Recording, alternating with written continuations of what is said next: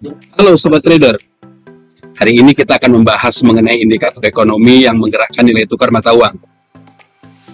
Uh, di platform trading, kita pasti melihat candlestick yang bergerak naik dan turun, udah pasti dong. Pergerakan inilah yang kita analisa kan, apakah harga pada suatu pasangan mata uang akan naik atau turun. Ya pasti dalam kurun waktu beberapa saat ke depan, ya mungkin satu jam atau mungkin satu hari uh, dalam menganalisa pergerakan nilai mata nilai tukar mata uang ini ada dua cara yakni dengan analisa teknikal dan analisa fundamental. Ya, tapi di sini kita belum akan membahas secara teknikal ya, melainkan secara fundamental. Tapi apa sih yang menjadi penggerak nilai tukar satu mata uang itu? Pertanyaan itu pasti muncul ketika kita membahas mengenai perdagangan, lagi forex.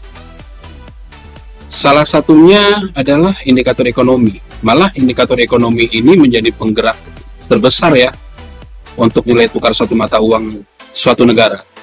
Dan indikator ini juga sering digunakan untuk memperkirakan atau menganalisa nilai tukar uh, mata uang atau bahkan menentukan kondisi ekonomi suatu negara secara keseluruhan. Jadi apa saja indikator ekonomi yang menggerakkan nilai tukar mata uang itu?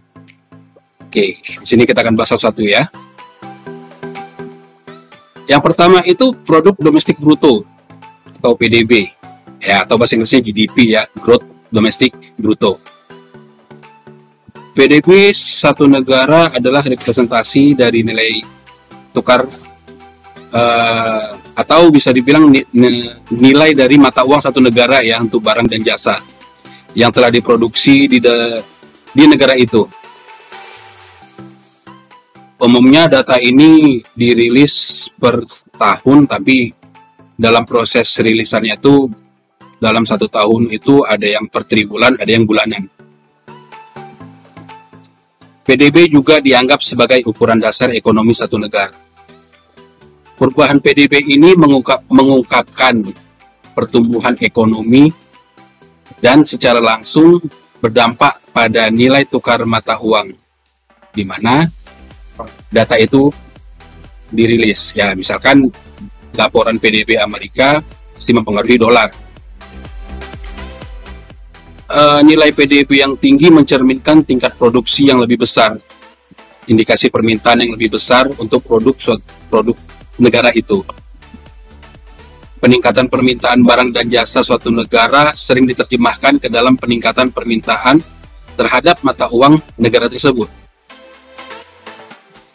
Selanjutnya ada indeks harga konsumen atau Consumer Price Index, disingkat CPI.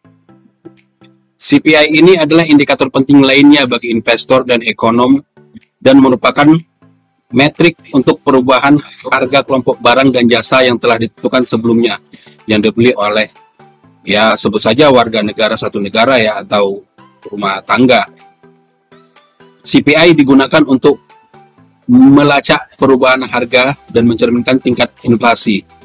Kenaikan harga pada CPI mengindikasikan melemahnya daya beli mata uang negara tersebut, terutama inflasi yang tinggi relatif terhadap tingkat inflasi di negara lain, memperbesar pengaruh faktor ini. Oke, selanjutnya indeks harga produsen atau Producer Price Index atau disingkat PPI.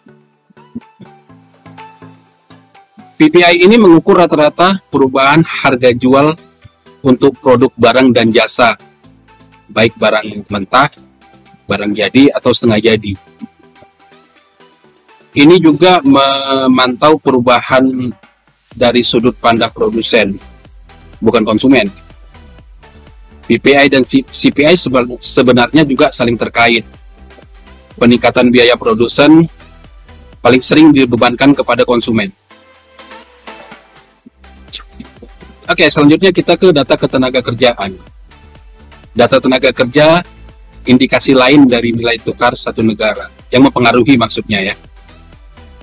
Tingkat pekerjaan yang lebih tinggi biasanya menjadi tanda permintaan yang lebih tinggi juga untuk produk, barang, atau jasa di suatu negara. Jadi ini merupakan sinyal bahwa nilai mata uang satu negara lebih tinggi. uh, perlu dicatat juga data tenaga kerja ini biasanya dibagi dalam tiga bagian. Satu itu ada non-farm payroll, itu dirilis per satu bulan. Tingkat pengangguran dirilis juga berbarengan dengan data non-farm payroll tadi atau payroll non pertanian.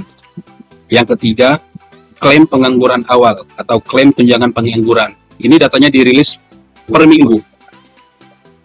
Ketiga data tersebut memberikan kontribusi dampak yang tinggi terhadap nilai tukar mata uang satu negara, sebut saja dolar. Permintaan yang lebih besar untuk produk dan jasa di suatu negara menghasilkan peningkatan jumlah pekerja yang dibutuhkan untuk memenuhi permintaan tersebut. Permintaan yang lebih tinggi biasanya berarti suatu negara melakukan lebih banyak ekspor dan dan lebih banyak mata uang asing ditukar dari negara asal. Selanjutnya ada penjualan retail. Penjualan retail ini atau dikenal dengan retail sales lebih dikenal sebagai penjualan bulanan untuk perdagangan eceran atau retail.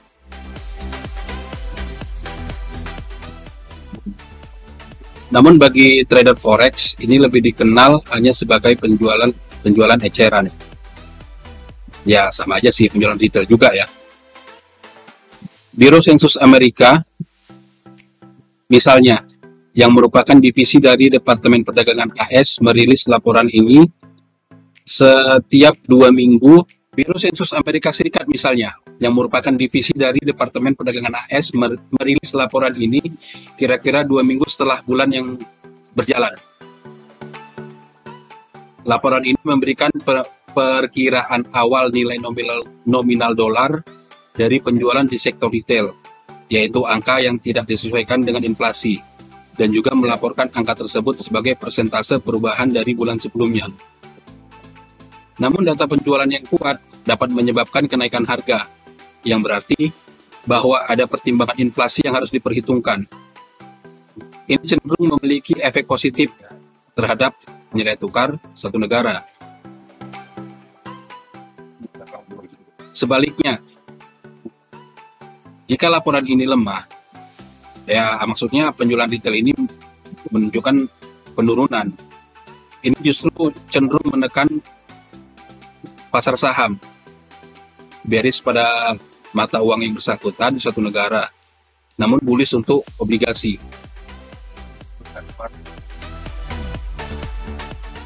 Data selanjutnya, ya, suku bunga ya suku bunga yang dirilis oleh bank sentral suatu negara. Salah satu indikator yang berpengaruh juga ini suku bunga karena digunakan untuk memperkirakan nilai tukar suatu negara. Negara yang menawarkan suku bunga yang tinggi biasanya lebih menarik bagi investor daripada negara yang menawarkan suku bunga yang relatif lebih rendah. Di AS, bank sentralnya disebut dengan Federal Reserve. Banget ya. Selanjutnya, suku bunga.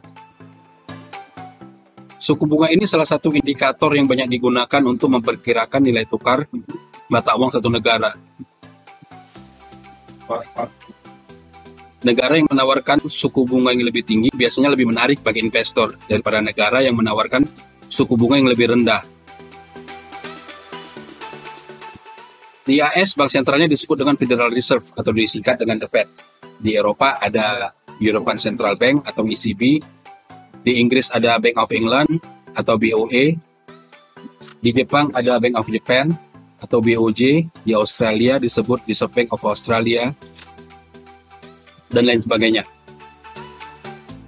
Jika bank sentral membuat perubahan pada suku bunganya atau hanya mengubah persepsi tentang arah kebijakan moneter masa depan itu membuat perbedaan bahkan perubahan besar pada mata uang negara tersebut. Selanjutnya, kebijakan moneter. Setiap mata uang juga dipengaruhi oleh kebijakan moneter masing-masing bank sentral. Setiap keputusan mengenai suku bunga yang dibuat dapat memberikan dampak yang signifikan. Umumnya, konferensi bank sentral cenderung menjadi berita yang paling penting untuk diikuti karena perubahan suku bunga otomatis mempengaruhi kebijakan moneternya. Dan ini sangat diantisipasi dengan baik oleh pasar.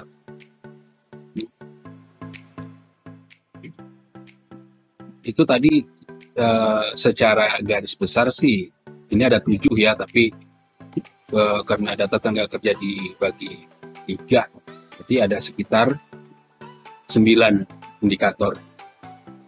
Jadi kesimpulannya,